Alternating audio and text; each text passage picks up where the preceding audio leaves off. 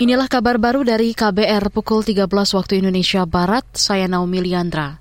Menteri Hukum dan HAM Yasona Halauli berharap Dirjen Imigrasi yang baru, Silmi Karim bisa menekan pungutan liar. Menkumham juga berharap Silmi mengikuti perkembangan keimigrasian yang memiliki kecepatan pelayanan.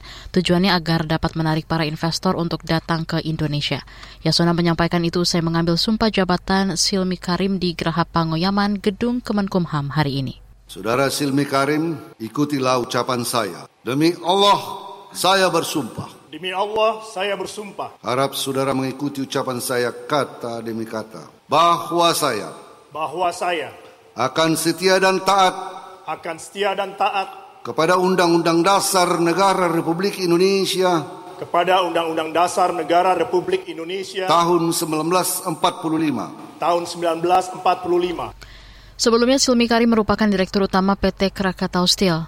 Silmi menjabat selama empat tahun di PT Krakatau Steel dan telah memberi banyak perubahan lewat kebijakannya saat perusahaan tersebut dianggap merugikan negara. Di antaranya restrukturisasi utang, perombakan organisasi hingga pemangkasan manajemen. Dengan rekam jejak itu, Yasona berharap Silmi mampu bekerja dengan baik pada jabatannya saat ini.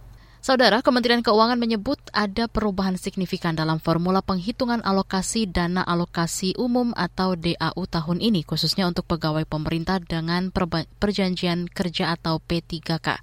Kepala Subdirektorat DAU, Aditya Nursyalam, mengatakan perubahan di antaranya banyak variasi menggunakan dasar kebutuhan daerah. Tahun 2023 ini menjadi titik tolak awal pelaksanaan daripada Undang-Undang Nomor 1 tahun 2022, khususnya untuk DAU terjadi perubahan yang cukup signifikan ya dalam penghitungannya, dalam formulasinya.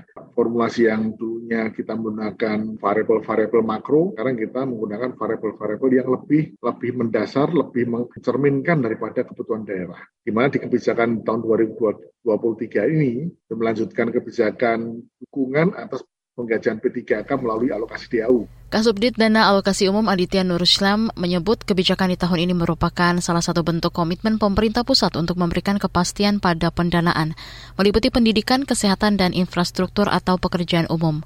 Kata dia terdapat sekitar 1,3 juta formasi P3K yang menjadi target tahun ini. Pemerintah Yogyakarta menghapus sanksi bagi pelanggar protokol kesehatan COVID-19.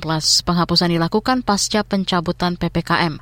Kepala Pelaksana BPBD DIY sekaligus Wakil Sekretaris Satgas Penanganan COVID-19 DIY Biwara Yuswantana mengatakan instruksi Mendagri mengamanatkan untuk mencabut peraturan daerah yang menerapkan sanksi. Jadi sanksi-sanksi semua sudah harus dicabut. Jadi di Mendagri itu mengamanatkan bahwa perda kebijakan daerah yang itu menerapkan sanksi itu supaya dicabut. Artinya tidak ada sanksi. Ya. Sebelumnya Perda DIY tentang penanggulangan pandemi COVID-19 berisi sejumlah aturan dan sanksi bagi pelanggar protokol kesehatan. Adapun poin yang masuk di antaranya sanksi administrasi bagi pelanggar protokol kesehatan, denda administratif pembubaran kegiatan kerja sosial hingga pencabutan izin. Demikian kabar baru KBR, saya Naomi Liandra.